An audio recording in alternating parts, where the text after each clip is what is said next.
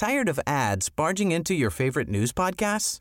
Good news. Ad-free listening is available on Amazon Music for all the music plus top podcasts included with your Prime membership.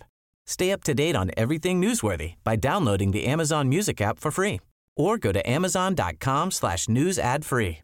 That's amazon.com slash news ad free to catch up on the latest episodes without the ads. Jeg bare fikk CD-en. Ok. For å har vært med i programmet. Fordi jeg var den som sa 'dette er jinglen vi bruker'. Jeg, jeg, jeg syns ikke den er så veldig bra. Den var bra da. Nei, men Hadde du sett videoen samtidig, så hadde du syntes den var bra. ja, ok. Den var veldig fin med den. altså. Da har vi introen. Da er den femte introen på rad. Det er introen. Velkommen til en ny episode av Tid er penger, en podkast med Peter Warren. Vi eh, Det kommer til episode syv eller åtte eller noe sånt. Åtte, tror jeg. Ja. Og eh, i dag skal vi snakke om eh, Det er et tema som enten kan høres veldig vanskelig ut eller veldig enkelt ut. Jeg velger den enkle varianten. Det er hvordan Peter Warren forandra måten å trade på fra sånn som alle uh, ville anta at det gjøres, til det han gjør i dag. Og sånn som du vil kalle det. Fra diskresjonær til uh, modellbasert Ja. Eh, trading. Så jeg er her for å fordumme alt Peter sier. Eh, denne podkasten er som alltid utvikla i samarbeid med IG Markets. IG Markets er en nettmegler som henvender seg til mer aktive investorer. Hos IG kan du ta både lange og korte posisjoner i ulike markeder. Det er et uh, bra tillegg til langsiktig sparing uh, som du f.eks. har i din egen bank. Eh, IG er en verdensledende aktør i sin nisje og har eksistert i over 20, 40 år. En stor fordel er at du kan handle internasjonale aksjer fra over 20 land. Det er gratis å åpne konto. Eh, nå fant jeg frem til jingeren her, som eh, jeg kanskje skal spille av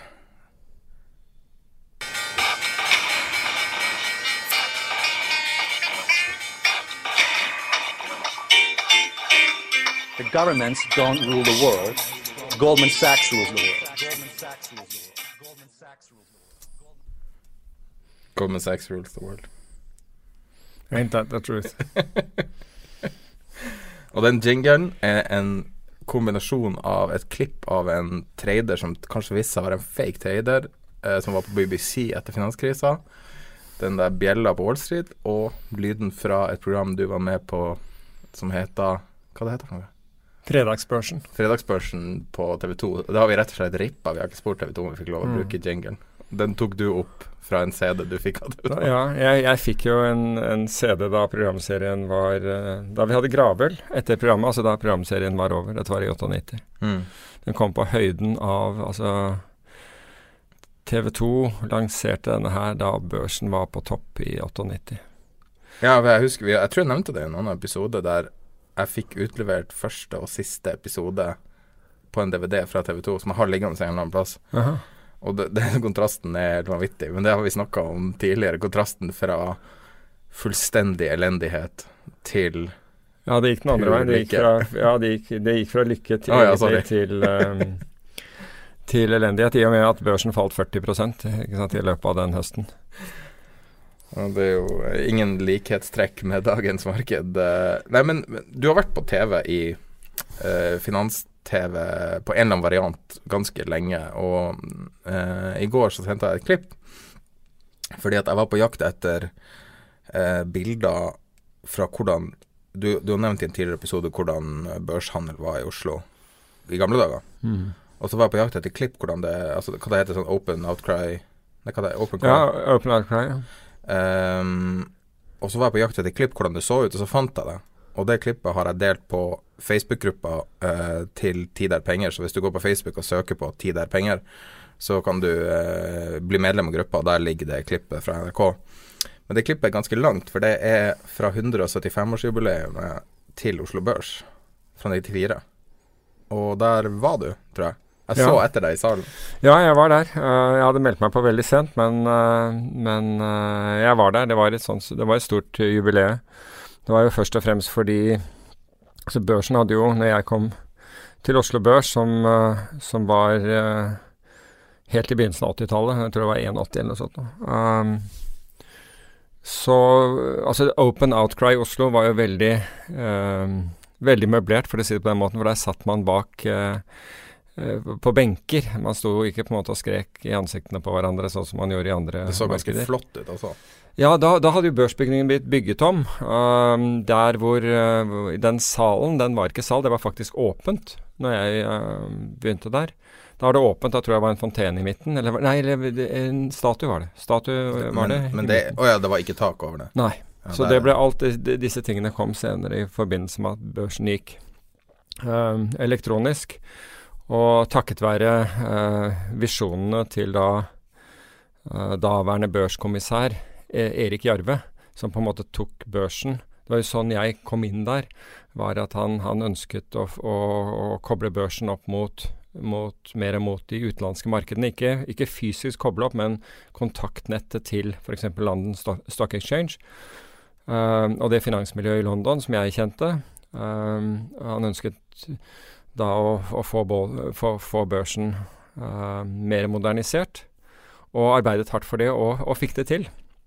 Det som er uh, det som er trist i denne anledningen, og i forbindelse med dette, dette jubileet da, som, som finner sted, som du nevnte, i, i 94, jeg tror det var i april 94, det er at åtte måneder senere så er Erik Jarve død.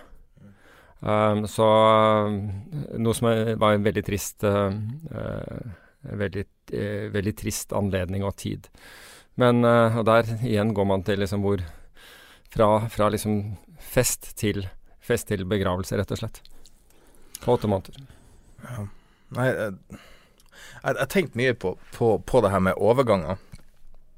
Og eh, jeg, jeg hørte en, en eh, Altså, i, i her koblinga Det her er 94, det var liksom den her, det klippet her, og du, jeg anbefaler alle å gå inn på Facebook-gruppa vår også for å se det her klippet her, for det er virkelig helt utrolig hvordan verden har forandra seg på 20 noen år. Eh, den, den naiviteten man hadde knytta til finans og penger, det at det står parkert eh, masse Mercedes Gelendewagen utenfor, utenfor børsen, altså den gamle børstraktoren til, uh, til Blystad, Ja, de gjorde den kjent. De gjorde den. står parkert utenfor som liksom sånn uh, Hva det heter window, uh, Ikke window dressing, men dressing, liksom, for Ja. TV-kameraene. Altså, det er bare så utrolig smakløst. Det at de, at de syns det var en god idé, og det at alle de kjente NRK-fjesene er inne og danser og synger og danser om penger, det, det er jo helt altså, Det er nesten perverst. Ja, altså, nå husker jeg ikke hva Altså, jeg husker Altså, det var jo først når du minnet meg på det ved å sende meg det der opptaket og spurte om jeg, eh, om jeg hadde vært der, at jeg, at jeg i det hele tatt husket det. Men, eh, men jeg husker jo det, den overgangen. Altså Erik Jarve pushet finansmarkedet ganske mye. Han pushet ikke så mye som jeg ville at han skulle pushe det, for å være helt ærlig, men, eh, men han pushet det ganske mye for å få modernisert det, fordi det var store krefter imot moder modernisering. Uh, de meglerhusene som tjente best, var helt mot at det ble noen forandring, fordi de så jo at de hadde en pengemaskin. Um, men Erik Jarve fikk allikevel dette, dette igjennom, og det er på en måte han som sendte oss inn da, eh, kan du si, i dataalderen. Det var jo, altså jeg måtte jo, Da jeg arbeidet der, så måtte, måtte det opp i styret for å kjøpe en programmerbar kalkulator for å kalkulere indeksen. Altså, Vi var på det nivå. Men det er liksom de overgangene altså, Jeg syns, bare for å ta en, en, en teit anekdote som jeg har lyst til å skvise inn i sammenhengen her uh, Når John F. Kennedy ble drept, det var kanskje, kanskje det største øyeblikket i historien. Ikke nødvendigvis av grunnen at han ble skutt, men det var på en måte den kulturelle kontrasten før og etterpå. Alt som var kult før han ble skutt, var ukult etterpå. Ikke av det, men det var bare så mye som skjedde i verden da. Det var så mye forandringer. Jeg tror Beatles kom til USA uka etterpå, eller noe sånt. Ei uke eller en måned etter han ble skutt. Og det som var tøft tidligere, var plutselig noe helt avlegg. Så nå var det liksom Beatles og den og så uh, Free Love, alt det der som kom bare som, som egentlig ei bombe på det amerikanske samfunnet. Sånn at uh, liksom hele den der eh, Hele den, eh, den, kulturelle bevegelsen snudde på en måte den dagen. Sånn at hvis han ikke hadde blitt skutt, så hadde han ikke hadde, Eller hvis han hadde kommet tilbake, så ville han ikke ha kjent igjen det amerikanske samfunnet nesten. For det var så utrolig forskjellig. Og eh, på en måte altså, Det var, det var sånn så mye forskjellig. Og eh, på, på mange måter så det klippet fra 94 er Og, og børsdirektøren som gjorde de endringene, var et ganske stor forandring. Men den største forandringa var jo finanskrisa. Og finanskrisa på mange måter, tror jeg, da, som eh, John F. Kennedy, er før og etter er helt ugjenkjennelig. For å gå tilbake til dagens tema. Og jeg husker når jeg, jeg, var, jeg var, på og møtte på deg rundt før finanskrisa så satt jeg og så på hvordan du jobba. Og når du trada, når du skjermtrada mm. Egentlig på mange måter samme måte som du ville gjort på Oslo Børs i 82. Du hadde, du hadde en datamaskin, men i grunnleggende ting så var det på samme måte å jobbe på. Og så kommer finanskrisa, så er hele verden i omveltning. Og så når, når alt det er over, så sitter man igjen med en helt ny verden. Og hvis du tar vår sponsor, sånne type produkter som, som IG tilbyr, som gjør det mulig å handle Det var ikke mulig før. Og nå er plutselig det mulig. Og så å handle systematisk, det var ikke mulig før. Nå er plutselig det mulig. Alle kan gjøre det. Og det som var kult før, det som var gelendevagen før, er nå bare helt borte. Så når du ser det her klippet fra 94, som den, representerer den gamle verden, så er det helt ugjenkjennelig for meg. Det er ingenting. Skjønner du hva jeg mener? Ja, jeg forstår hva du mener, men jeg er ikke, jeg er ikke helt enig i at, liksom, at, ingenting er det samme. Altså, jeg, jeg, leste forleden at det var solgt 700 nye Porscher i Norge i år, og det er en ny rekord.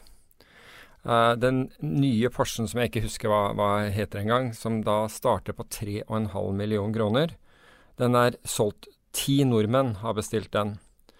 Så det er mulig at gelendevagen ikke er like kule. Men folk øh, jeg, Når jeg var på vei hit nå, så, så passerte en hvit Lamborghini meg. Um, det er vel ting som tyder på at, uh, at det er, fortsatt er fest der ute, for å si det på den måten. Jeg har en kompis som jeg jobba i en bank en gang, og de har jo litt mer innsyn i folks privatøkonomi. Og han sa at alle som hadde fine biler, som hadde konto i banken, alle sammen var gjeldsslaver. Absolutt alle. Det var ikke ett unntak. Så når du ser en fin bil Når jeg ser en fin bil, mm. så ser jeg å ja, det er en person som er på vei å gå konkurs. Det har bare ikke skjedd ennå. Et, etter krakket i 87 så, så, kjøpte jeg biler av Lefak. Det var sånn uh, De lånte jo ut penger til, bil, til at folk skulle kjøpe bil. Sånn factoringselskap. Og de hadde, de hadde, en garasje nederst i Rådhusgaten, en av eh, sidegatene i Rådhusgaten. Husker jeg, Fred Olsen skal Nei, det var den overfor, men det spiller ingen rolle. Um, i hvert fall i den ga der garasjen var full, for de hadde tatt tilbake alle disse bilene. Så der sto det fullt av Maserater, massevis av Mercedeser, én Ferrari 308, husker jeg. Um, Mercedes sportsbiler, alt mulig sånn. Og så var det en kar som ringte meg derfra. Uh, og så sa han at om, om, jeg hadde, var interessert i å kjøpe bil, eh, gjerne biler. Så Jeg hadde ikke tenkt på det. Jeg skulle få god pris hvis jeg gjorde det. Om, om jeg ikke kunne komme ned i hvert fall og se på det. Han lovet meg god pris. Og Så kom jeg ned der, og så viser han meg denne kjelleren. Den er full av de bilene jeg nevnte. Og han sa at problemet deres var at de hadde ikke plass. De hadde ikke plass til dette her, så gi oss en pris for liksom Og jeg trengte en stasjonsvogn, jeg trengte noen andre greier. Uh, så jeg kjøpte flere biler der. Og noen av de bare solgte jeg ut igjen, uh, og andre, andre, beholdt jeg. Jeg turte ikke å kjøpe den Ferrarien, hadde veldig lyst på den, men turte ikke å kjøpe den. For jeg tenkte den er i hvert fall vanskelig å bli kvitt. Men, men den hadde fått også Den var ufattelig billig. Så altså, vi har jo sett det, det altså finanskrisen altså I 87, når det, når det smalt det her sånn, så på meg så altså det virket altså I finanskrisen så, så trodde jo verden skulle gå over ende, eller mange trodde det i hvert fall. Mens i, i 87 så, så trodde vi vel egentlig ikke at verden skulle gå over ende, men alt virket veldig mye mørkere. I hvert fall her i landet, fordi liksom, Uh, jeg har satt og sett på gamle klipp nå pga. at jeg fant det her. Så gikk jeg på YouTube og søkte på Dagsrevyen 1988 og 1989 og sånn, så finner du masse klipp. Ja. Og der er det sånn uh, Dagsrevyen 1987. Da var det sånn at uh, motebutikker ble nedlagt. Det var liksom en stor greie. Ja, ja. Og når du ser moten, da. Det var ikke all verdens mote. Ja, du tenkte at vi, vi gikk ikke glipp av noe? Verden gikk ikke glipp av noe? Men, men, vi går veldig mye rundt grøten nå. Men jeg syns på en måte det er det er interessant å sette det i en annen kontekst. fordi at å si at man bare sitter og, og skjermtrader, f.eks., ja. kontra å, å lage systemer, det, det, blir på en måte eh, man må vi, vi, på en måte sette det i en eller annen perspektiv. Ja, altså vi hadde jo andre altså, blant, altså Hvis du sto på børsgulvet, for å si det på den måten så hadde du jo annen input enn, i, enn, enn det du har i dag. ikke sant? Fordi da kunne du lese eh, kroppsspråk, eh, tonalitet hvor? Noen av oss hadde bokser, så hvis vi ikke sto på gulvet, så hørte vi faktisk hva som foregikk der nede.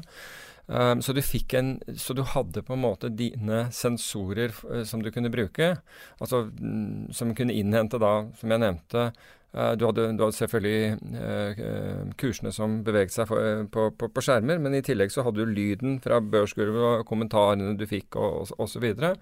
Men du hadde ikke rå informasjon i den grad vi har nå? Nei, altså, altså det vi manglet, det, det, var jo det var jo begrenset hvor mye vi kunne holde oversikt over. Mens i dag så, så, så ikke, altså I dag så har du ikke børsgulv på samme måten, så du får ikke Det var jo mange som forsvant når lydbildet forsvant. De klarte seg ikke uten lydbilde. Mm. Uh, det, var, det, var, ikke mulig. Uh, fordi, for det var så viktig. Og du vet, Som mennesker så, ha, så, har vi jo noen sanser som vi prioriterer foran andre, og for noen er det det auditive. Altså med andre ord det de hører. Um, men i dag så har vi jo stort sett bare eh, nummer på, på skjermer foran oss. Men vi har én fordel i dag. sant? og Den gangen så tradet du mye på basis av det man kaller mavefølelse og den type ting. Altså Du hadde jo, du hadde jo tall i hodet, men mye var mavefølelse. Du så hvordan ting forandret seg, du hørte hvordan ting forandret seg, du tok posisjoner i, i, i forhold til det. Tror du ikke folk gjør det fortsatt? Jo, jeg tror det er noen som gjør det. Altså, men, men, i dag men, men, stadig færre gjør det, uh, tror jeg. Altså den diskresjonære siden, altså hvor, at, hvor, du gir en person en måte, full mulighet til å gjøre hva de vil, uh, den, har, den, har, sine begrensninger. Og den ene begrensningen er at vi vet ikke om vedkommende kommer til å gjøre akkurat det samme i samme situasjon en gang til. Uh, slik at den replikkerbare delen av det, du har vært veldig smart der, og gjort det kjempebra, men klarer du å gjøre det i, i den nye fasen av markedet, eller når, når, ting blir annerledes? Det vet vi ikke noe om. Eller hadde du bare flaks der sånn? Du bare kjøpte, og så gikk det der voldsomt. Um, mens i dag har vi data. Store mengder data, så vi kan faktisk analysere og se hva er det som virker, eller hva er det som har virket, eh, og hva er det som ikke har virket. Um, og det gir Altså, hvis du finner noe, hvis du klarer å finne opp du kan si den ene er diskresjonær, der har du liksom full frihet. Da jeg drev øh, forvaltet et makrofond, og det gjorde jeg i, i um, Global Makrofond hedgefond i tolv år, så ga eh, altså Da hadde vi selvfølgelig investeringsrammer. Vi kunne ikke ha for store posisjoner av forskjellige ting osv. Men ut, utover det så hadde jeg stor frihetsgrad.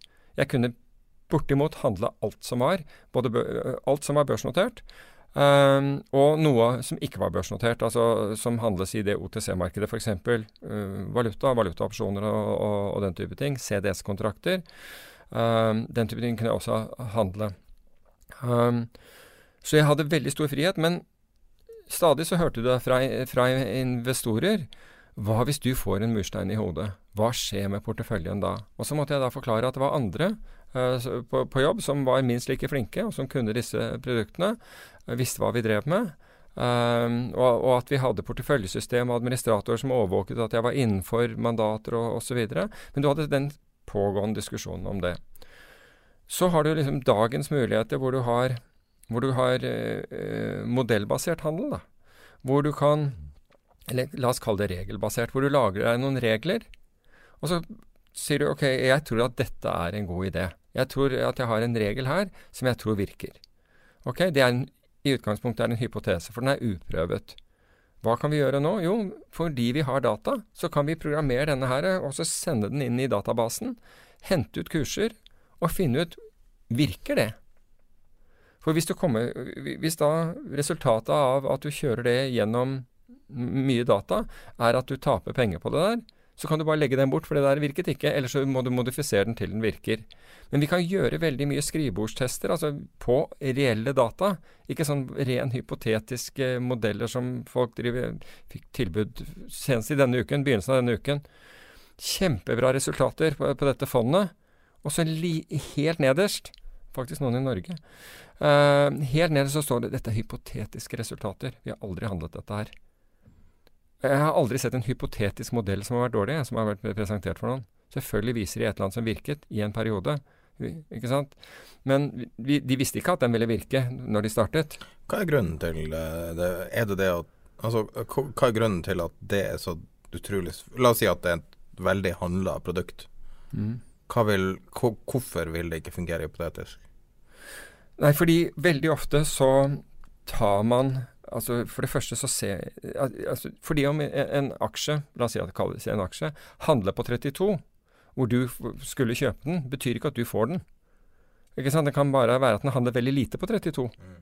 Um, og det, det, altså, så de tar ikke Så eksempel slippage, da. at- Slippage, ikke sant. Det at du får den ikke på 32, så du lå lenger bak i køen. Det, det handlet kun 70 aksjer på 32, men modellen din har jeg akkurat sagt at du har fått uh, en million aksjer på 32. Men hvis du tar noe sånn som la oss si euro-dollar, da.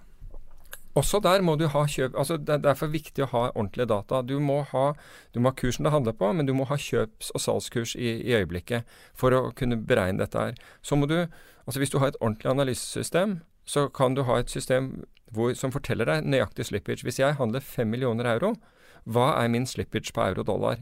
Hva, hva må jeg forvente med slippage? Da kan du den, legge den inn i modellen. Transaksjonskostnadene dine inn i modellen. Hørte en annen, det var også norske. De de er faktisk oppe og, og, og går.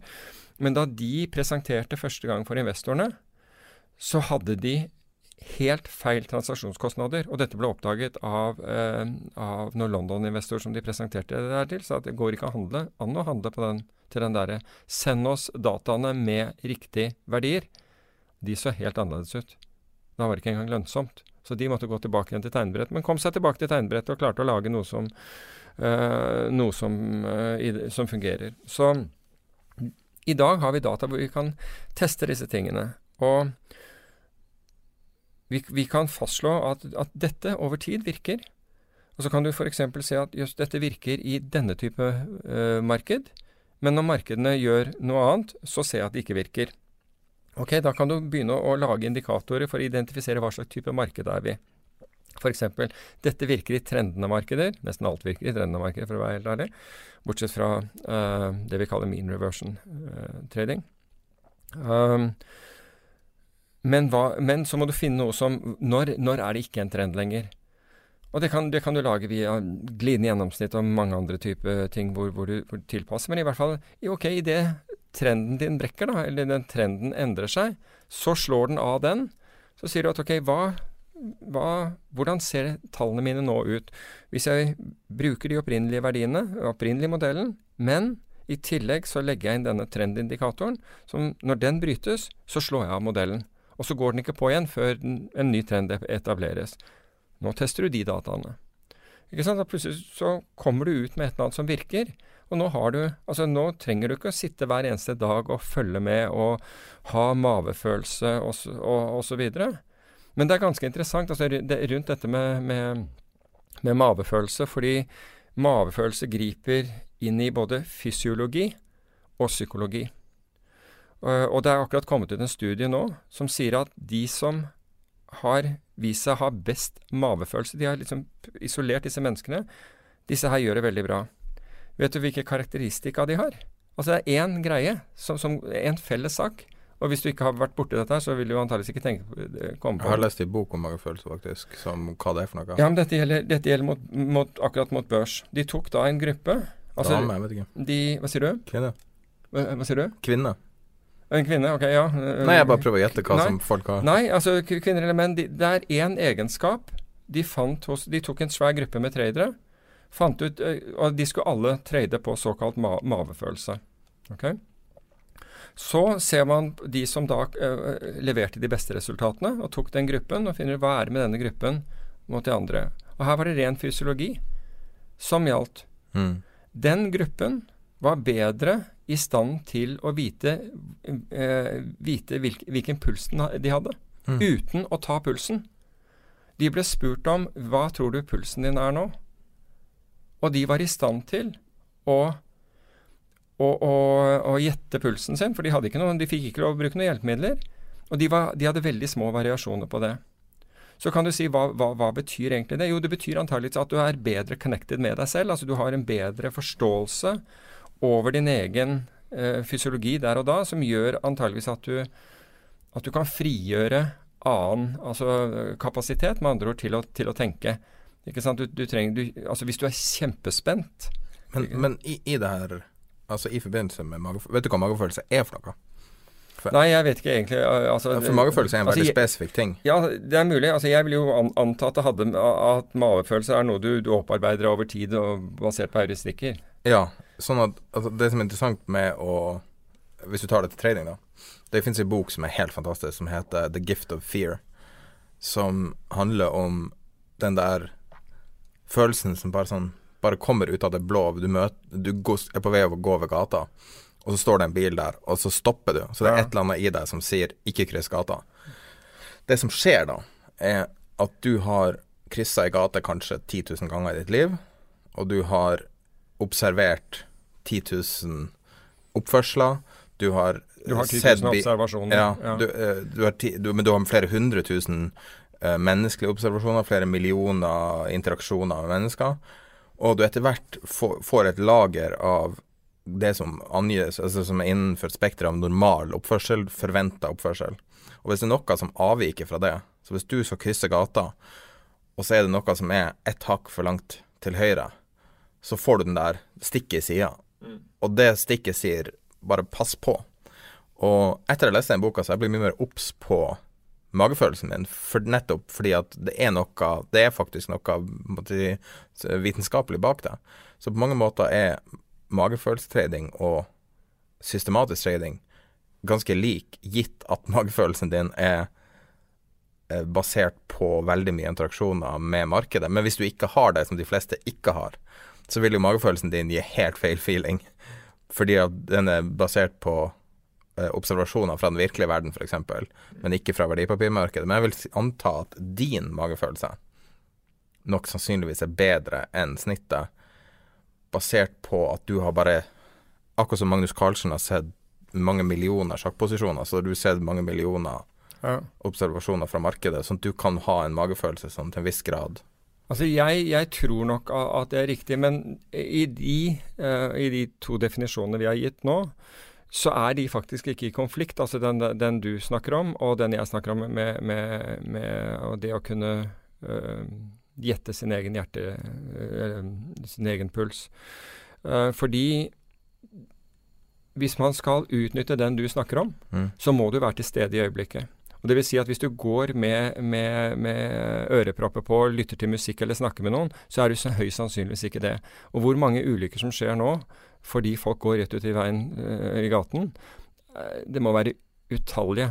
Altså, er, jeg syns jeg ser det ukentlig, noen som vasser ut i gaten øh, på rødt lys, eller plutselig blir klar over at, eh, at det er grønt, og de har stått der hele tiden, så de tråkker ut. Og nå har jo trafikken da sett at alle har liksom kommet over, så den har begynt, ikke sant. Eh, Altså biler fra høyre eller hva som helst. Altså fra Jeg syns jeg ser det hele tiden. Så det betinger at du er til stede, og jeg tror at de som på en måte kan fastslå sin egen puls, eh, på en måte har en, en høyere grad av tilstedeværelse, og jeg tror tilstedeværelse er, er veldig nødvendig. Men vi vi forsøkte jo også å forske på dette her, fordi vi, vi drev jo algotrading og den diskresjonære forvaltningen side om side en stund.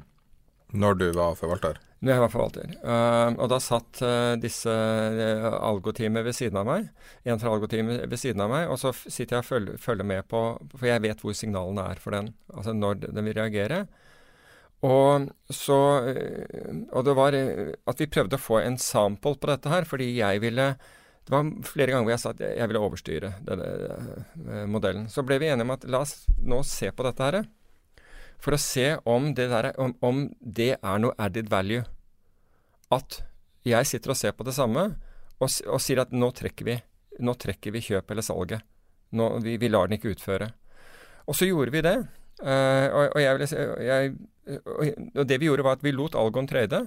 Men jeg tok den posisjonen jeg mente var riktig på det tidspunktet. Slik at hvis Algon kjøpte, så solgte jeg på, det, på, på akkurat samme nivå. Uh, slik at vi hadde nullposisjon. Men Algon fikk jo da sitt resultat, og jeg fikk mitt resultat. ikke sant? For hvis jeg solgte noe, så var jeg short. Jeg måtte kjøpe det tilbake billigere. Algon ville da lete etter å, å, å selge det den hadde, ikke sant? eller bli stoppet ut. Og det vi fant ut, altså var 80% av tilfellene så fikk vi et bedre resultat ved det jeg gjorde. Og, og, og 20 av tilfellene var det det samme, altså var scratch. Det var verken øh, bedre eller, eller dårligere. Så du var bedre enn maskinen? Ja, altså I de tilfellene altså, hvor jeg overstyrte maskinen, så, så viste det seg at, at, at, eh, at jeg var inne på noe. Altså at jeg, jeg oppfattet noe som var verdt å, å, å ta hensyn til. Men så kom den, den andre utfordringen. For vi ble enige om at dette er så konsistent at nå skriver vi det inn i modellene. Mm. Men problemet var at jeg oppfattet jo forskjellige ting nesten hver gang. Var, altså Jeg satt og så på markedet, men var, jeg ga forskjellige begrunnelser. Slik at det var fryktelig vanskelig. Og da kom vi til den der tredje gruppen her. altså Nå har vi snakket om diskresjonær, hvor, hvor du sitter og kan bestemme alt selv. altså Personen sier at nå tror jeg jeg har en magefølelse, børsen skal ned, jeg shorter markedet, ikke sant. Eh, eller, eller det motsatte. Til den regelbaserte, ikke sant, som da er helt rigorøs. Til den tredje varianten, som jeg mener fortsatt er den uh, gjelder, og det er det vi kaller augmented, uh, augmented technology, hvor altså et menneske på en måte kan overstyre og komme med innspill til, til det teknologiske, til, til, modellen. Nå gjelder ikke det alle. Altså Ta f.eks. Renaissance Technologies. Der tror jeg ikke det er noen som gjør noe Altså Du har altfor mange handler. Two Sigma, uh, AQR, mange av disse her, de handler rent algoritmisk, men i så mange ting. Altså de, de handler jo tusener og tusener, altså titusener, hundretusener, kanskje millioner av handler hver eneste dag. Så der er det rett og slett ikke mulig å ha en, eh, ha en menneskelig faktor med. Og så får de Men de får et normalfordelt utfall, hvor hver av modellene deres har da en positiv sannsynlighet for at den skal tjene penger. Det betyr ikke at du tjener penger hver eneste gang. for det, altså, På én enkelt handel har vi ikke peiling på om vi vil tjene eller tape. Vi tror vi gjør det. ikke sant? Vi Mm. tror, La oss si at det er 70% 73% sjanse for at vi, at vi tjener penger, og da eh, 27 sjanse for, ta, for tap. Men det gjelder jo når du har nok data. Mm. Altså når du har nok handler. Så det, det, det, er derfor folk av og til lager modeller, og så prøver de dem. og så tenker de, Den her er kjempebra, jeg har testet den. Og så går du ut i markedet, så kommer det tre tap etter hverandre, og så, og så forkaster de modellen. Men det, det, er ingen grunn til å forkaste modellen. Hvis du har virkelig sett på det, så må du ha en stor nok mengde handler for at du skal kunne si noe om Så det er helt feil på en måte å gi opp øh, modellen av den årsak.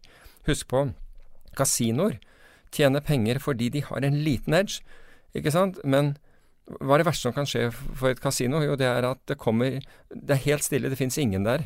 Og så kommer det rakende inn en kar med Stetson-hatt eh, fra, fra, gata, og som går rett bort på ruletten, og så setter han liksom maksimal på ett tall. Var ikke det en, jeg tror det var en kar som gjorde det. Ja, det er helt sikkert De måtte sende resultatvarsel. Eh, en eller som har gjort ja, det der. Men, men, du kan si at en, det, det, skjer faktisk, ikke sant? Ja, ja. Altså Sjansene for at det skjer, er små.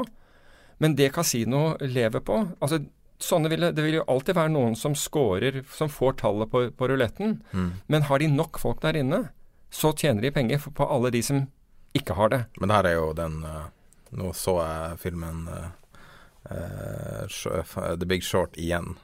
Okay. Gud, den er så bra. Ja, er Hvis du ikke har sett The Big Short, så er The Big Short. Altså, det er Og når man ser tilbake der du Han første, kan hete han Han, han er jo Det er en ordentlig forvalter, han legen. Uh, ja, riktig. Uh, Barry.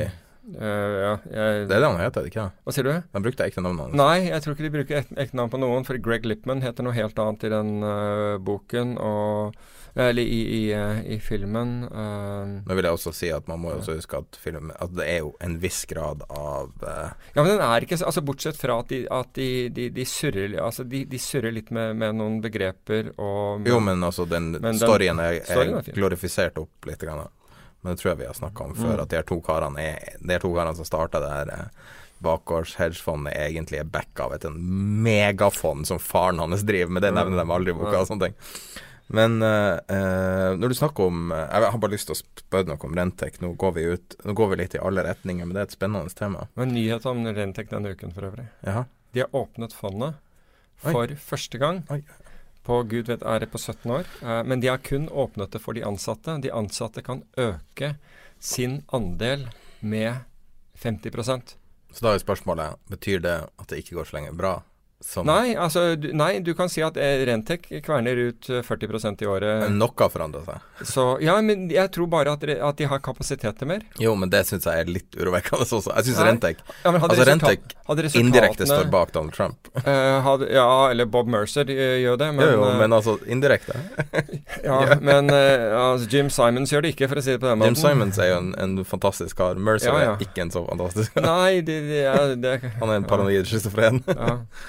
ja Yachten hans lå i Oslo i var det to måneder for noen år Nei, men rente Husker du boka Fear Index? Ja. Eh, Ja. Og hvis du ikke har lest boka Fear Index, les boka Ja. Fear Index. Den er veldig Mm. bra. Det er en, en, roman. Eh, og den handler om et algoritmisk fond basert i Sveits. ja. Som- Mm. Og det en helt fantastisk bok, spesielt hvis du, ikke, hvis du liksom ikke vet noe om hva vi snakker om her, som er sånn automatisert trading, Mm. eller regelbasert trading, så er det her en bra innføring, i hvert fall deler av det. Men så skjer det noe helt fantastisk, for de har en kunstig intelligens som kontinuerlig raffinerer seg. Du må ikke, for, ja, du må ikke fortelle historien. Eh, og, så, og så skjer noe ja, Da får du lukke ørene i 20 sekunder. Eh, og så oppdager de Jeg tror det var en tweet. Altså den her Husker du det? Jeg husker det ikke hva, hva det der var. Varslinga av en kapring av et fly blir skrevet på en obskur Twitter-konto som, som denne algoritmen plukker opp, og så, short, nei, så kjøper de puts på det flyselskapet før den er kapra pga. den tweeten. Og så krasjer flyet, Ja, det er maskinen som kjøper, ikke sant? Ja, ja, det her er jo en ja, kunstig intelligens. Mm.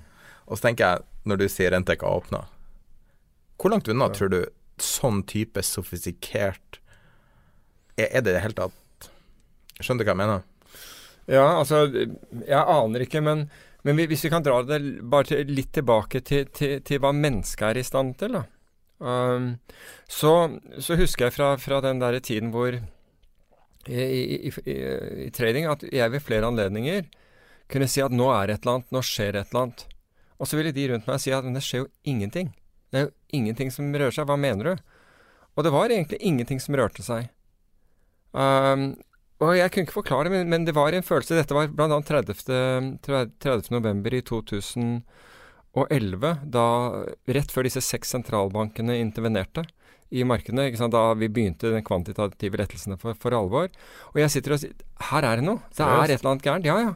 Det her er no, det, er no, det er noe gærent. Er det mangel på handel sa? Nei, vet du hva. Altså, jeg har tenkt på det her lenge. Um, og jeg har også tenkt på det, for det, mange ganger så har det vært situasjoner, ikke så spennende situasjoner på en måte uh, som det, men jeg tror at antageligvis Men dette er en teori, for jeg har, dette har jeg ikke fått testet. Men jeg tror at fordi man har liksom sittet og stirret så mye som man har gjort inn i skjermer, så er det mulig at det er, at det er en fløtter i kursene. En bitte liten flytter i, i kursene fordi no, noen vet et eller annet der ute skjer, som da transmitteres gjennom optikknervene til hjernen, som gjenkjenner denne herre Rett og slett, Jeg har sagt det, og jeg, for jeg brukte det hele tiden. Jeg tror the heartbeat har forandret seg. altså må, Pulsen til markedet, ikke pulsen min, men pulsen til markedet. Det er, det er en endret heartbeat i markedet, og da har folk sittet rundt men, men det skjer jo absolutt ingenting her. Det er, det er noe. Det er noe, men jeg har aldri Men jeg Altså, det betyr jo ikke at Jeg vet jo ikke hva det er. Jeg vet ikke om det, det skal opp, ned, eller hva som skjer. Men de gangene jeg har sagt det, det er noe, så har vi plutselig liksom eksplodert i en eller annen retning etterpå. Så det er et eller annet man som, I, I som mitt hode så ser jeg for meg gra en graf av en opsjonskurs. Et sånn 3D Du vet de 3D-grafene Mm. opsjoner er? Mm. Der du har ett punkt der det bare er et sånn søkk. Ja, Hva det heter det? ja, altså, altså Ja, black hole. Ja. Ja. Og, det er på en måte Altså, det er vel ikke noe så tydelig du ser, Nei, fordi, men det er på en måte sånn det ser ut. Det er noe Nei, som bare altså, det, det er bare at altså, jeg ser en form for nervøsitet der ute. Jeg ser noe. Og du Men kan si spesifikt, hva ser du på da? Hva du satt og så på da? rett og slett rett inn på kursene. Men husk på at jeg ser på mange Hvordan instrument? Nei, valuta. Jeg vil se på valuta, aksjeindekser, rentefutures. Ikke valuta, gull, opsjoner?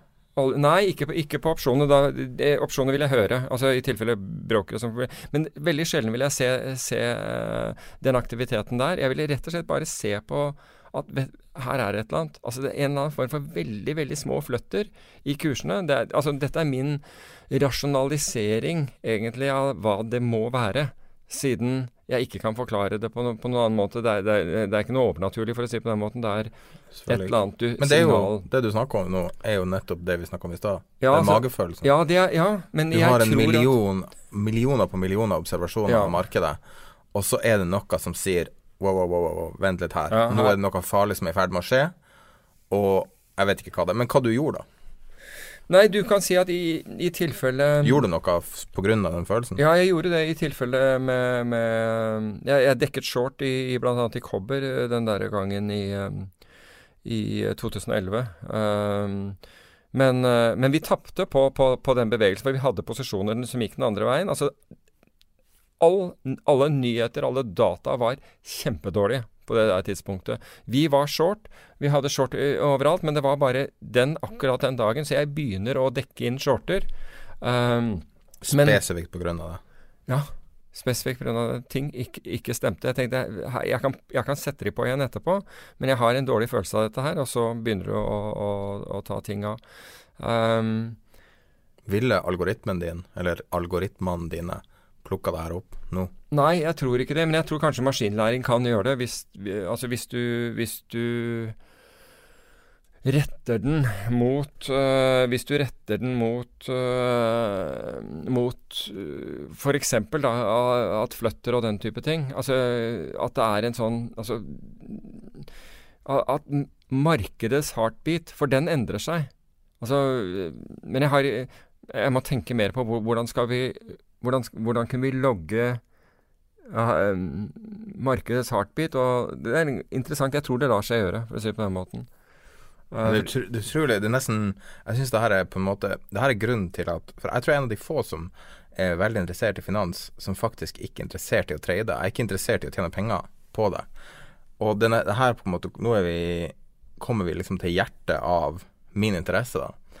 Det er noe menneskelig Det er noe totalt Altså det, det, det summen av menneskelig, menneskelighet ned i Ja. en graf. Og hvis du møter noen liksom ute på byen eller et eller annet sånt, skal du forklare dem La oss si at du snakker om finans, så vil det være det kjedeligste på jorda. Jeg har en kompis som hvis jeg nevner ordet finans, så bare, han bare legger på telefonen. Han klarer ikke å høre om finans. Han vil spy. Han synes det er kjedelig. Men jeg, altså, jeg har heller ikke den, der, den kjærligheten for finans i så men, men, men det å løse koden interesserer meg. Det å, å, å klare på en måte å knekke koden på det som foregår. Jeg skal bare snu telefonen. Det, jeg bare så at Vixen hoppa 6,3 det var derfor. Oi, seriøst? Nå? Mhm. Men det, det her er et veldig godt poeng. Du har en alert på Vixen. Nei, du har en alert på nyhets, et eller annet nyhetsalert nå. Eh, jeg bare tok opp uh, indeksen her. Uh, Vix er et godt eksempel på det vi snakker om. Vi har snakka mye om Vix, og eh, da, på Facebook-gruppa vi delt ting Ja. knyttet Det er liksom blitt sånn rød tråd før. Og både jeg og du har vært Men jeg, jeg er jo påvirka av det. men dette, dette skyldes jo altså I en verden hvor alle driver og klager på at det fins ikke noen svingninger, ingenting skjer, Nei, nei. så demonstrerte vi at det er mye som skjer, du må bare se på rette tingen. ikke sant? Og det er mye penger å tjene hvis du gjør det riktig. Ja, og, og du kan si at her har du Vixen, som, som da beveger seg såpass mye som den gjør. Og da, da ikke sant, Så ikke, ikke klag på at det ikke fins noe å trade her, for de, de gjør faktisk det. Så det var jo på en måte Det var jo på en måte vårt svar på uh, når folk sier ja, men det er så kjedelig, ingenting beveger seg. Det er inflasjonsfrykt, ser det ut Ja, Lav, det ville lav vært. inflasjon. Ja, lav, ja, nettopp. Ja, det, det, det, kan nok stemme. Hvis du ser på oljeaksjer i USA, har akkurat gått til ny lav for året også. Mm. Så det var Men, Men det er en øh, veldig spesiell tid vi er i nå, fordi vi er på en måte i sånn antifinanstid. Det er på grunn Altså, hvis du ser tilbake til 2011 eller 2011-2012, sommeren, og så har du 2008-2009 Det var jo bare jam-packed med action hele veien. Alltid, hver dag. ja, da var det mye. Det er klart. Altså nå årevis på årevis uten noe interessant. Så Ja. du går inn og leser Dagens Næringsliv, så altså, det handler jo om Gud, vet du, det handler ikke om finans lenger. Det Mye sport. Mye sport. sport og sånn, sånn tullete oppstartsfirma og alt mulig. Men, men vi er inne i Vi er inne i en eller annen periode der eh, Meg personlig så syns jeg at det her føles som eh, ny star, Vi er på et eller annet i ferd med å skje. Ja, men jeg, altså jeg tror jo, altså Vi blir jo litt sånn fokusert på Vixen fordi altså i det øyeblikket vi nevner Vixen og, og begynner liksom å snakke om den som, som et alternativ, så, øh, så, så er det mange som begynner å interessere seg for den. Og, det, ikke sant? og så får vi mye spørsmål. så sexy. Det Ja, ikke sant? Og Og så, men også, også kommer folk på, og så får vi veldig mye spørsmål om dette. Eh, og, så er og det er helt tydelig for meg at de aller fleste vet veldig lite om hva dette her er. mm. Altså De har hørt om noe som heter VIX, som beveger seg, men forstår veldig lite av, av den. Og så uh, satte jeg den grafen på, på den, på den Facebook-gruppen. Altså publiserte den i den Facebook-gruppen. Og så kom det enda mer spørsmål fra det. Og, og, og siden det ikke bare på den, men det er kommet fra alle kanaler utenom av På grunn av det du la ut? Ja. For, ikke sant? Ja, fordi Ja, veldig. Veldig mye. Um, jeg har brukt Ja. Du kan si den grafen du la ut. Det Nei, altså det, den er en distribusjonsgraf. Og for det første så altså Det var kanskje litt korttenkt av meg at, å ikke forklare den eh, bedre. Eh, og det, det kommer av at liksom, jeg tenker jo mye i, i statistikk. eh, mens folk er vant til å se en vanlig prisgrafe. Så det den, den, eh, den grafen viser, den viser da hvordan avkastningen, altså hva er avkastning for det første? Jo, det er, det er da forskjellen på, på, på viksen fra dag til dag i prosent. Så den viser hvordan avkastningen på viksen distribuerer seg. Ikke sant? Den viser da eh, viser hvordan dette fordeler seg utover. Og avkastning Og det som forbauser meg, Er er det 250 dager, stemmer det? Ja, det, er 253 er vel brukt der, eller et eller annet sånt. Men det, Hvorfor, det gjort, valgte du akkurat det? Nei, det er bare gjort over et år, og det var, viste seg å være 253 eh, observasjoner. Eh, Du kan si at noen år er det litt mer. Ja, for grunnen til at jeg spør, var er om du hadde overfitta. Nei, overhodet ikke. Nei, overhodet ikke, fordi det, liksom, det er default-verdien som, som Bloomberg kom opp med, så bom, så, så hadde du den. Kan godt ta, ta mye lenger. Men det, som var, men det jeg også ønsket å vise her, det er at hvis du hadde tatt viksen over en veldig mye lengre periode, da har viksen vært mye høyere. Og da er den mye mindre relevant for dagens situasjon. Ikke sant? Dagens situasjon hvor du har en ø, viks som da har vært helt nede på 8-tallet, det gjør den mye mer interessant, for det, det er så lav volatilitet at vi aldri har sett så lav volatilitet før.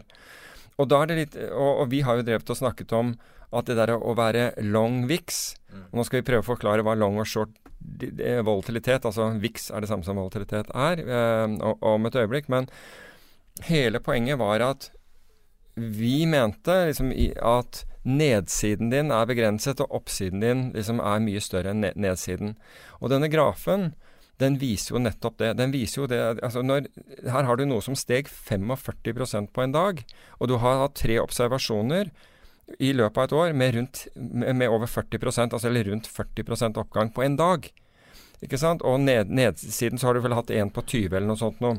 Altså, du, på- hadde, du hadde tre som er rundt 20, Ja. og så har du noen på 17. Men altså, du må jo huske at de her dagene kommer jo dagen etterpå. Ja. Dagen etter oppturen. Ja, Ja, men ikke sant? Jo, men det er faktisk viktig liksom å se på Altså, den, den forteller deg Altså, dette å være Altså, hvis du er long VIX, og hvis du er long volatilitet, så er det det samme som at du vil at ting Altså, du tror at ting skal bevege seg mer. Usikkerheten øker. Mm. Du, du, er, du er på en måte long usikkerhet. Mm. Hvis du er det motsatte, hvis du er short kjøper usikkerhet. Ja, du på en måte Eller du vil beskytte deg mot, mot usikkerhet. Det motsatte er å være short volatilitet. Da tror du det skal bli enda roligere. Og da viksen var nede på, på, på lave nitallet, og da skåret den faktisk en ny all time low, som var nede på åttetallet riktignok, men i, i de dagene, da var det rekordmange som ville fortsatt shorte viksen.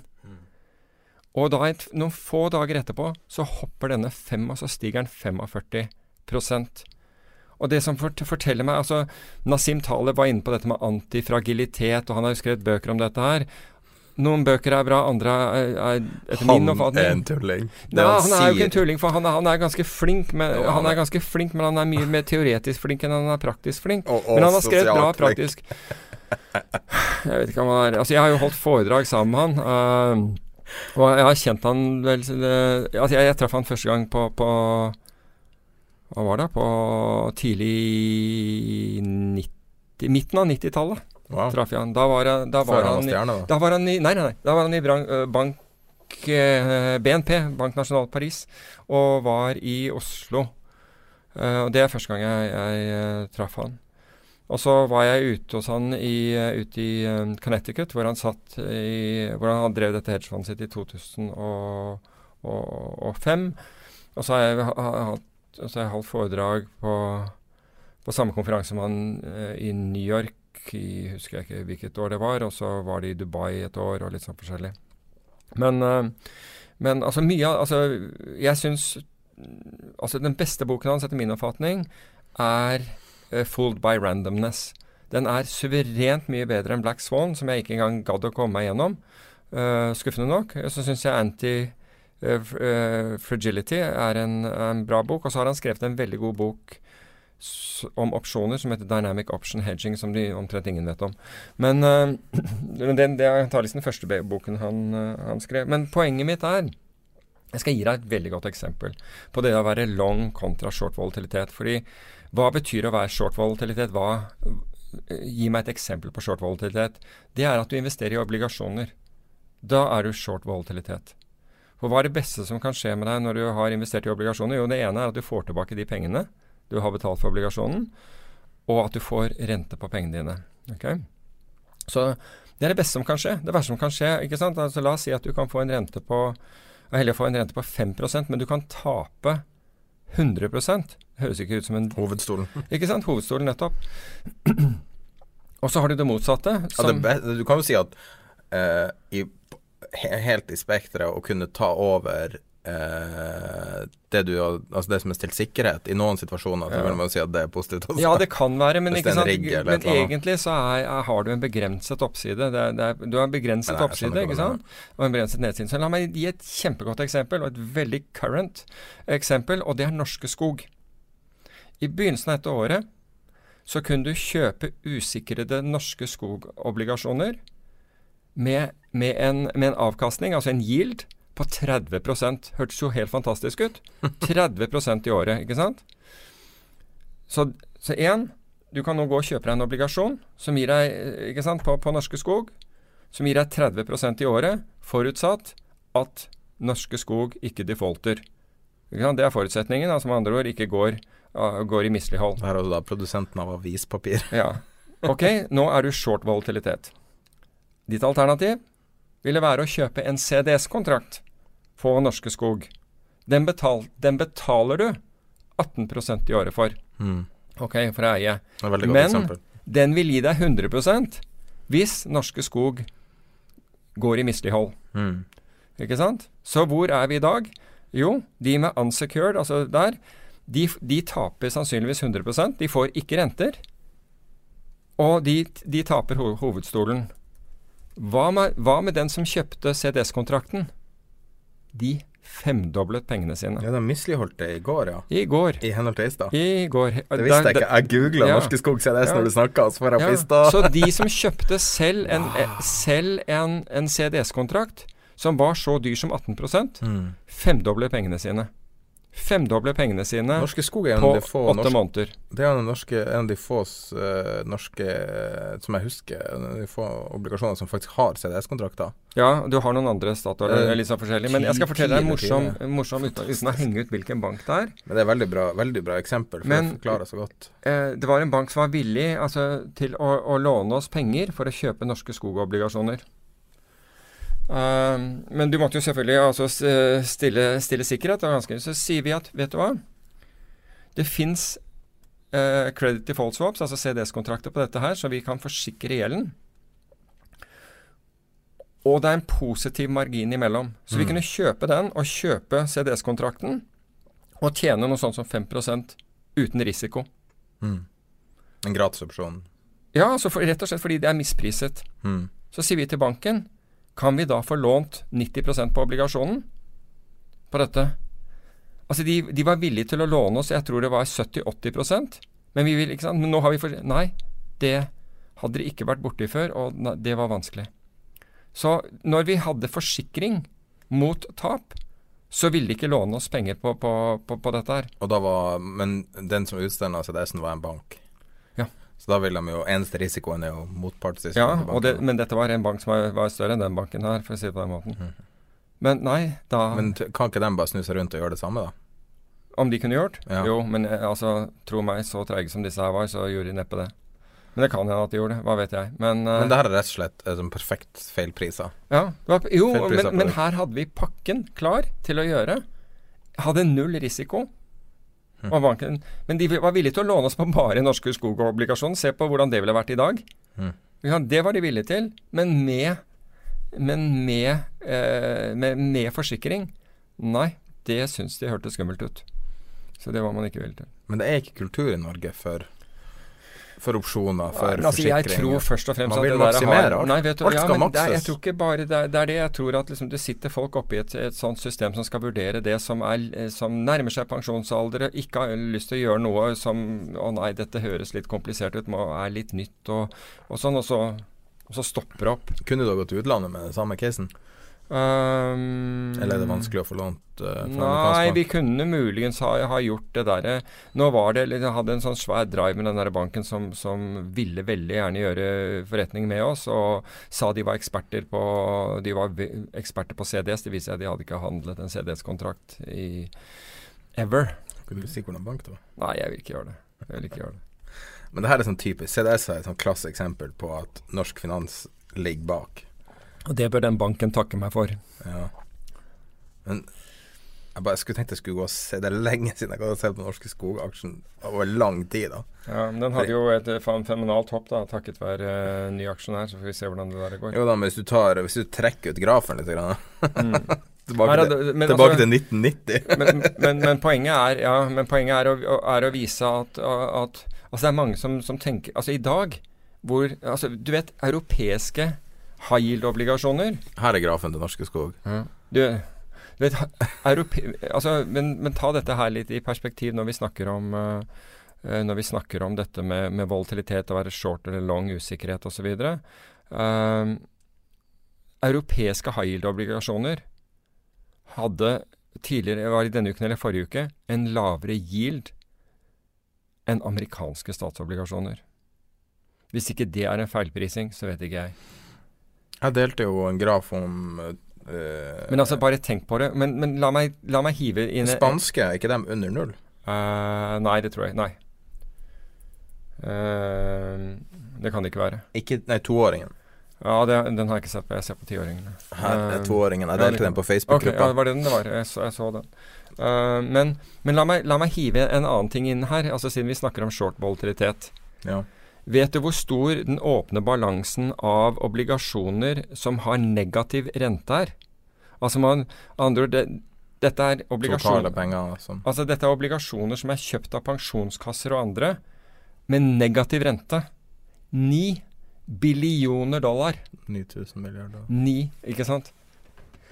Altså, altså tenk deg. Altså det, det er 9 billion Altså hvordan Altså det vil si Det her er det som er så kjipt med å kjenne det. Fordi jeg kjenner at jeg får, bare vondt i magen av å tenke på det. men Dette Tenk deg pensjonsforvalterne. Altså, Som betaler for å for som å betaler for å låne ut, ut pengene til, til pensjonistene, men allikevel har lovet å gi pensjonistene avkastning. Hvorfor gjør de det? Jo, fordi en del, eh, så så mye av porteføljen skal være i obligasjoner. Vi har ikke noe valg, og vi skal indeksere i forhold til. Det er ingen som Kan gidder pensjon Kan det være i cash? Er det mulig å være i cash? når det gjelder det. ikke sant? Det er ingen som bruker hodet. Men er det mulig å være i cash som en pensjonskasse? Ja, det, nei, altså, det er jo et problem. ikke sant? Man har mandater som sier at vi skal så mye aksjer, vi skal så mye renter og vi skal så mye alternativer. Og så kjøper du alt det du kan. eh, Altså innenfor obligasjonsmandatet så står det at du skal ha rating sånn og sånn. Og så, og så kan det være Og så kjøper du high yield-porteføljen din, og så ender du med å kjøre high yield-obligasjonene så høyt opp i kurs at yielden er mindre enn om du kjøpte amerikanske statsobligasjoner. Du, Nok en, nok en ting som er delt på Facebook-gruppa. Det er en quiz til deg. Se om du leser det som blir lagt ut eh, Hva er det som har gitt best avkastning de siste ti årene? Altså da er det fra finanskrisa starta. Hva er det som har gitt absolutt best avkastning som verdipapirklasse? Det og delte jeg. det, og det er ikke bitcoin? Eh, være Jeg tror ikke det regner som en egen eh, Ja, men, altså La oss si noe som ikke bare tull og tøys. Ja, ja men det ja. Herregud, jeg hater bitcoin. ja, ja, eh, jeg så Visa Men det, Visa hadde vel sin emisjon Hadde ikke de emisjon om Nei, verdipapirklasse. Å ja, sånn, ja. Uh, er det verdipapirklasse? Jeg vet ikke. Hva? Siste ti årene europeiske high yield. Ja. Jo, men, jo, men ja, og det forklarer jo nettopp det ja, du sier nettopp. nå, av Ja. at man bare strømmer til der det er avkastning. gjett om det er satt opp mye europeiske high yield-fond i det siste? Hvordan har Pareto tjent alle pengene sine de siste ti årene? Det er nå stort sett å utstede lån. Ja, men de, de Norske ja, de gjør, ja. men de gjør det smarte, ikke sant. De, de, de utsteder, de, tar ikke dette på egen bok. Nei. Men ikke sant, så de er jo utstederen. De, de tjener jo uansett. Ikke sant? Det er jo det altså kjøperen av norske meglerhus, av alle olje- og serviceselskaper som har utstedt gjeld, ja. kjøperne er pensjonskassa? Ja, det er veldig Altså, du kan si at det, nå er Nå har jo hvis pensjonskasse Nei, det er veldig mye privatpersoner og, og, andre ting. Men altså, pensjonskasser har jo som regel grenser for hva de kan kjøpe i, når det gjelder rating. Men, det jo, men du kan si at disse negativgildene, eh, altså disse obligasjonene, de ni billionene dollar med negativ, eh, med negativ eh, avkastningsobligasjoner, det er i vesentlig grad kjøpt av pensjonskasser. Vet du hva som er dårligere avkastning på ti år? Nei. Som klasse. Nei. Commodities. Råvarer. Ja. Råvarer har jo hatt en, en fæl Nest dårligst olje som klasse. Fæl, fæl, ja, men olje Du mener at det går ikke som uh, råvare? Bloomberg sier at det Bloomberg sier at det ikke er det. ja, olje er vel så stort at det egen råvare er vel alt utenom olje, skulle jeg tro. Men uh, det, det, er interessant fordi at vi er på en måte slutten av en æra nå. Det, egentlig så er det feil, vet du, fordi de har, de har ikke mer volatilitet der. Nei, nå snakker jeg om, om altså bare hva ja, har skjedd. Ja, men aktiva klasse, hvis de hadde hatt med volatilitet som aktive klasse, og tok da de siste ti årene fra finanskrisen til nå, så er det ingenting Nei, fra før, her er før finanskrisen. Ti år. 2007. Ja. Men da har du uh, Men det er litt mer interessant ja. når, du trekker, ja. trekker over Altså Hvis du trekker lenger tilbake, så er det mer interessant. Fordi man snakker jo om liksom, hva som har skjedd siden det smalt. Altså etter det smalt. Mm. Mm. Det, det, er litt Men det er bare en, en ny æra nå. Jeg liker, jeg liker ja, å altså, trekke ting litt lengre enn Men, men det, det, fascinerende med en ny æra er jo at det gir på en måte anledning til, til omstokk. Mm. Nå kan du stokke kortene og begynne altså, Problemet er at folk gjør jo ikke det, de bare går med trender jo, uansett. Men nå, altså, vi har ganske mange lyttere nå. Eh, overraskende mange allerede. Og vi har hatt eh, Denne podkasten har blitt spilt av over 100 000 ganger siden vi starta, og det er ikke så lenge siden vi starta. Så det er veldig artig, og, og vi, vi, tror vi har eh, mange tusen abonnenter. Så det er mange tusen som hører på det her. Og folk hører på deg, hører ikke på meg, de hører på deg. og de er interessert i hva som er det neste. Hva, hva, er det neste? Nå er boligmarkedet game over. Det kommer aldri til å komme tilbake i den, i den måten det kom tilbake, i hvert fall ikke på en god stund. Det, man skulle tro det, i hvert fall. Og der har alle verdipapirer det, har, det har sugd til seg all kapitalen i Norge. Uh, du har uh, oljeservice spesielt, har sugd til seg veldig mye kapital før det. Og nå har vi kommet til en periode der hva, hva skal man gjøre? Og det her kommer samtidig som du har blitt heltids... Eller hva man skal si. Du er blitt algotrader 100% Du stoler ikke lenger på din egen diskresjonære vurdering. Jeg, jeg stoler på den sammen med, med, med Men bruker du den?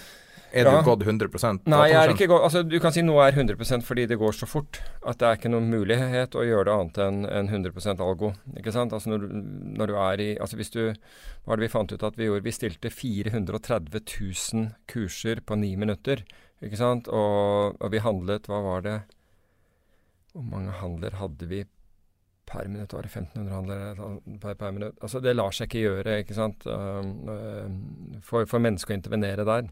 Du kan, men du kan jo Men jeg tror på altså augmented, jeg tror hvor du bruker en del av teknologien. Du bruker um, du bruker analyseverktøyene, og så bruker du på en måte din erfaring til eventuelt å justere deg, justere disse prisene, eller si at vet du hva, jeg liker ikke markedet her, sånn, så jeg slår av eh, jeg slår det av akkurat nå. Um, dette er ikke en bra tid å handle på. For eksempel så så har du ved, ved, annonserte nyheter, ikke sant, sånn som klokken halv tre fra USA og den type ting. Det er klart at du, du, du er veldig forsiktig Eller i går kveld, hvor, hvor, uh, hvor, det var Fed, altså Fed Minutes, hva heter det for noe på, på norsk? Klokken åtte. Altså riktig referat fra amerikanske sentralbanken. Akkurat, akkurat når det, det, skjer, så slår du f.eks. av av uh, modeller som er reaktive, altså som på en måte går imot de, de, ikke sant? Da går du heller med, eller har Så du må på en måte bruke hodet.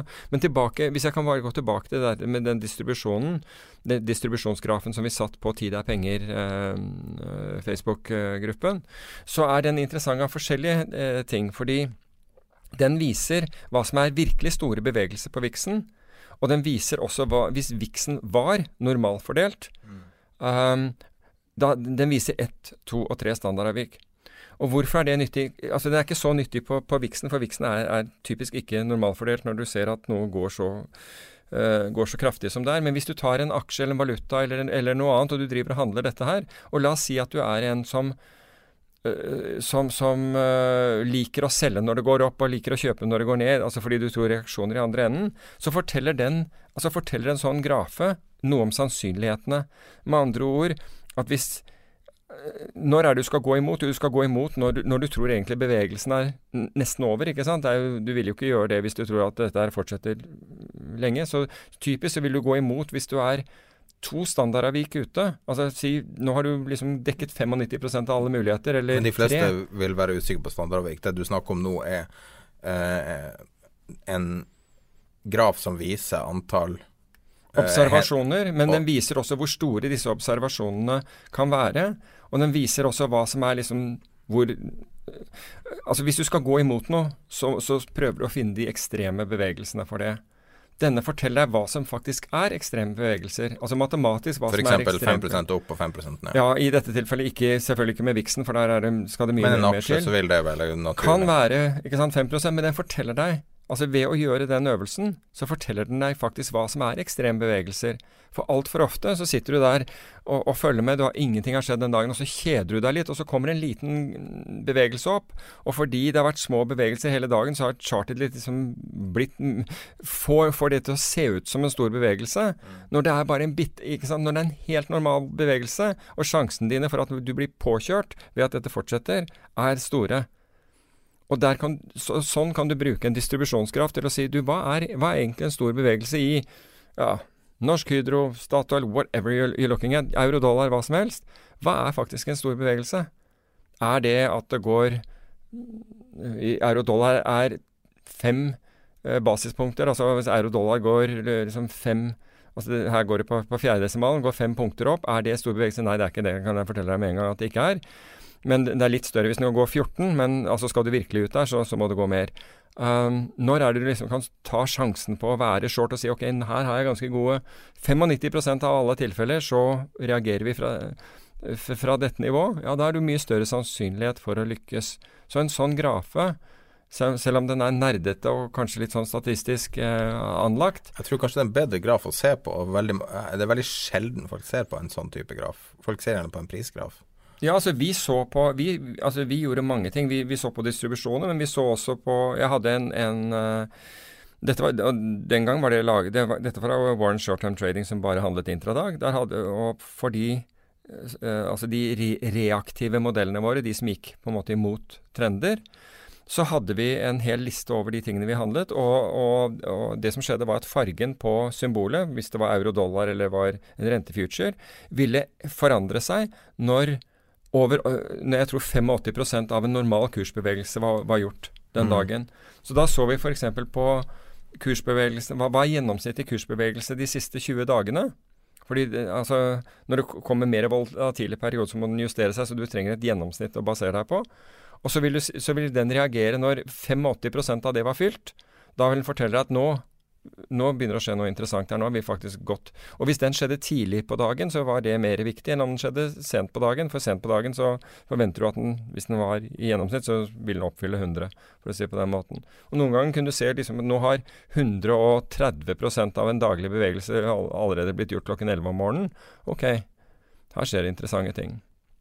Og det forhindrer deg fra liksom, eller i hvert fall skal hjelpe deg fra å, å ikke reagere fordi ut, av kjedsomhet.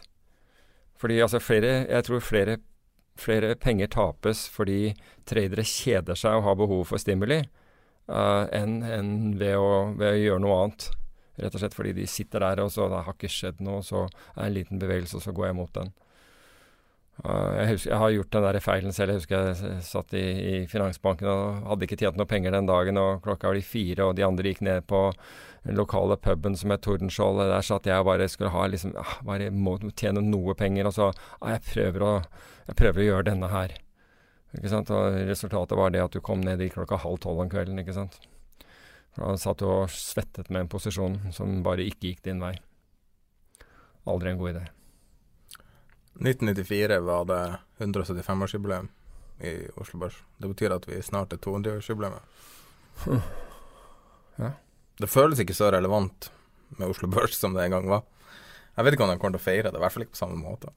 Det blir blir nok annerledes, men jeg vil jo tro at børsen feirer, eh, feirer den. Altså mye, mye bra har skjedd på, på Oslo Børs. Uh, og- Tror du NRK sine stjernetalenter kommer til å stå der og synge og danse? Og... Nei, kanskje ikke, men, men store endringer har det jo vært, ikke sant, i og med at uh, handelen i dag foregår jo ikke på Oslo Børs, den foregår i London. ikke sant, Matching engine for Oslo Børs er i London. London. Ja, så ja, så, ja du I et eller annet lager utenfor Nei, London. ja, ja, nei, ja, du sitter blant masse datamaskiner et eller annet sted i London ja, og, og feirer det, men eh, men eh, altså Oslo Børs har gjort, en, har gjort en del ting, de. Altså de, er, eh, de, er, de er ganske på på, på sånn eh, Når det gjelder algoritmehandel, til å oppdage det som ikke er, det som ikke er bra. Altså Jeg må jo si at hun Bente Landsheim har, har overrasket positivt med en, med, en del, med en del ting. Og ikke minst eh, å gå etter, eh, etter det hun mener har vært lovbrudd, når, eh, når Finanstilsynet har sittet på hendene sine og ikke giddet å gjøre noe. Naken shortsalg, var det ikke dem som startet? Ja, altså hun har, ja, ikke sant? Altså hun, har hatt, eh, hun har hatt guts til å på en måte ta opp, eh, til, eh, ta opp ting. eh, og energien til å gjøre det. Så jeg syns jo at eh, at børsen har hatt en, hatt en veldig positiv, eh, positiv utvikling under Men henne. I samme grad som at i mellom 175 og 2 200-jubileet så har vi gått fra å ha stort sett bare NRK til å ha hele verden. Ja, absolutt. du kan sitte og se på Netflix på telefonen din, liksom. Du trenger Ja. ikke NRK lenger. Ja. Men, men vi vet jo det der at, eh, at i det øyeblikket Oslo Børs ble altså de aksepterte fjernmedlemmer, da forsvant det mye daytradere fra Oslo Børs. Mm. Da var det over. Da fikk de ikke telefonen fra megleren om morgenen som sa hva som skulle skje, og hvilke ordre de hadde. For da Ja, det, det er blitt vanskeligere å Ja. Fidelity og de andre la altså, ble jo skrudd hver eneste dag, de, så, med, med sånne ting. Men når de begynte å legge inn via sine egne algoritmer hjemme, så gikk jo ikke den informasjonen til, eh, til, til andre. Så også, no, også positivt. Altså sånn, Det har jo bidratt til å gjøre Kollektivt sett er det positivt. For enkeltpersoner er det vel ikke positivt. Nei, altså enkelt, men, men altså, eh, nå er det ja, men, Tvilsomt moralske personer. Ja, altså, det er, men det er jo heller ikke pensjonistenes uh, oppgave, og, fordi pensjonspenger handles på, på Oslo Børs også, eh, å å berike de, uh, de med dårlig moral.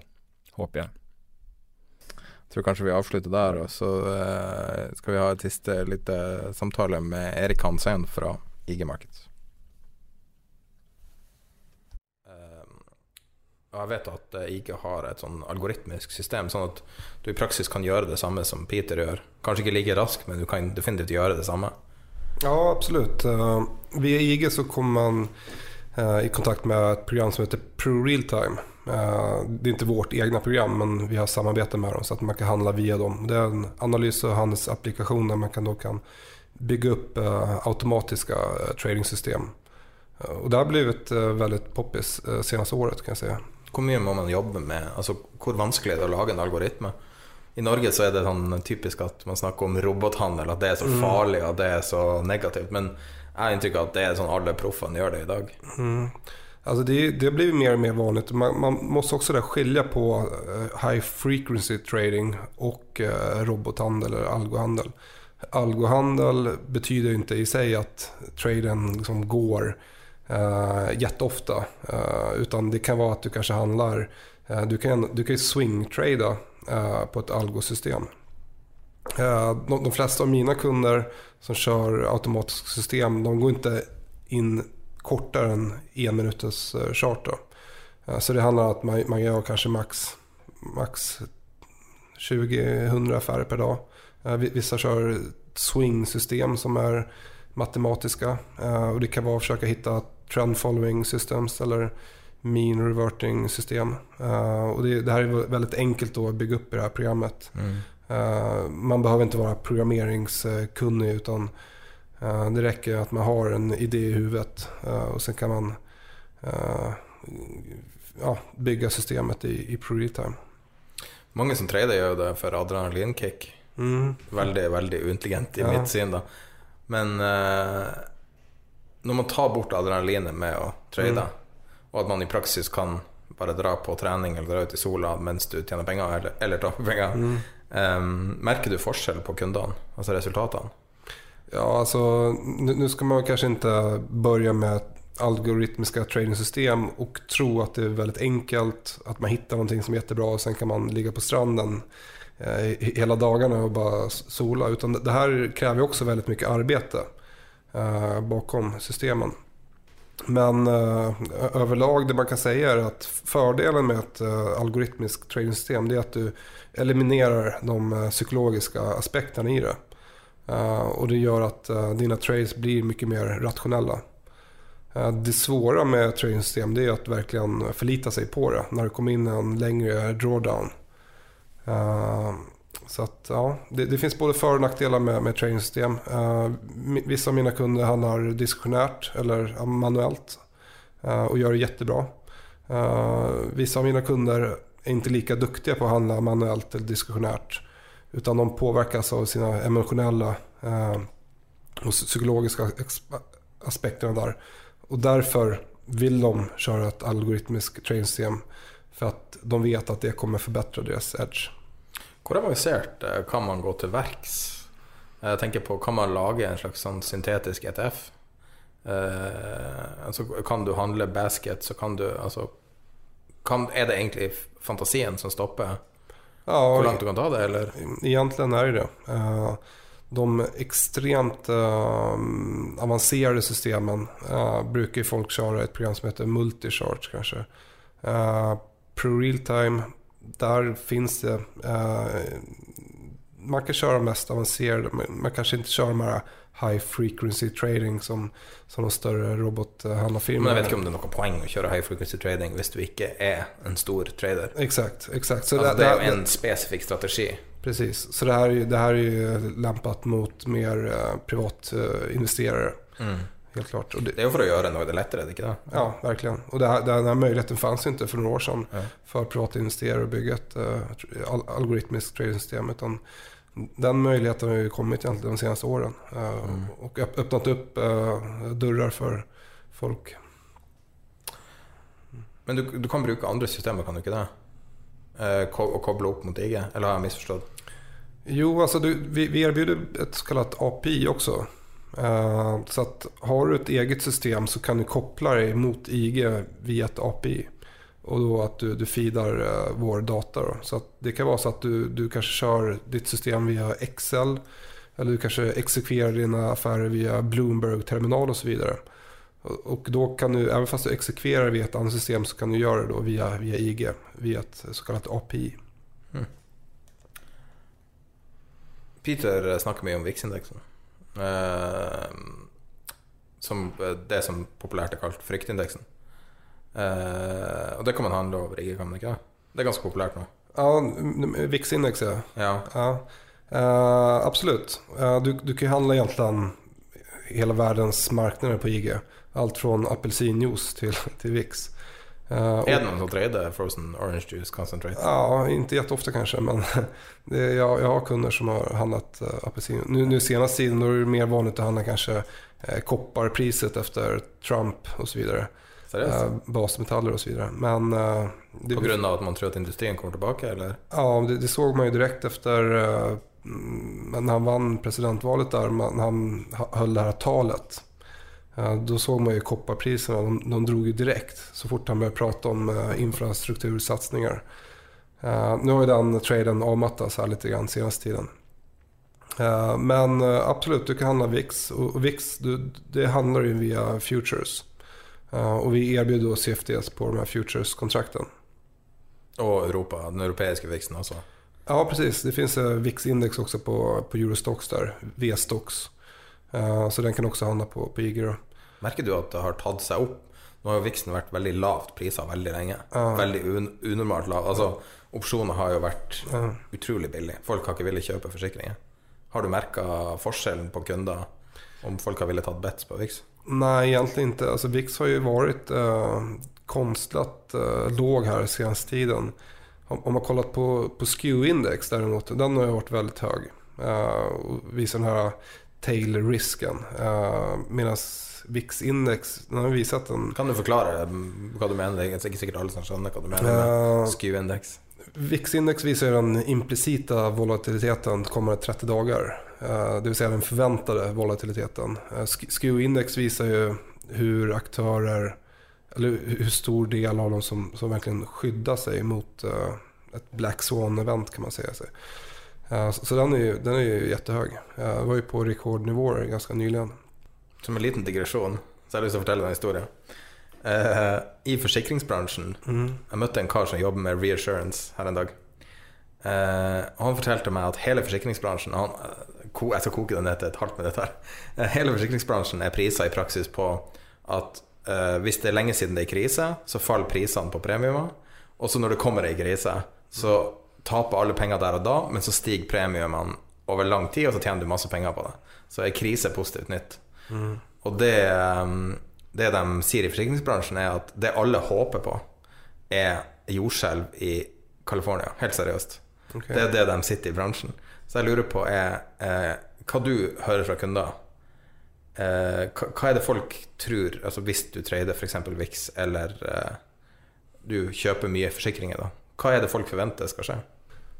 Ja, just nu så, så ser vi en ökad eh, politisk eh, osäkerhet i, i världen.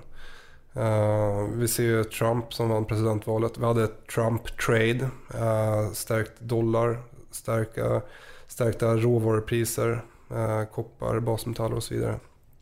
Vi har även sett börserna stigit eh, väldigt kraftigt senaste tiden.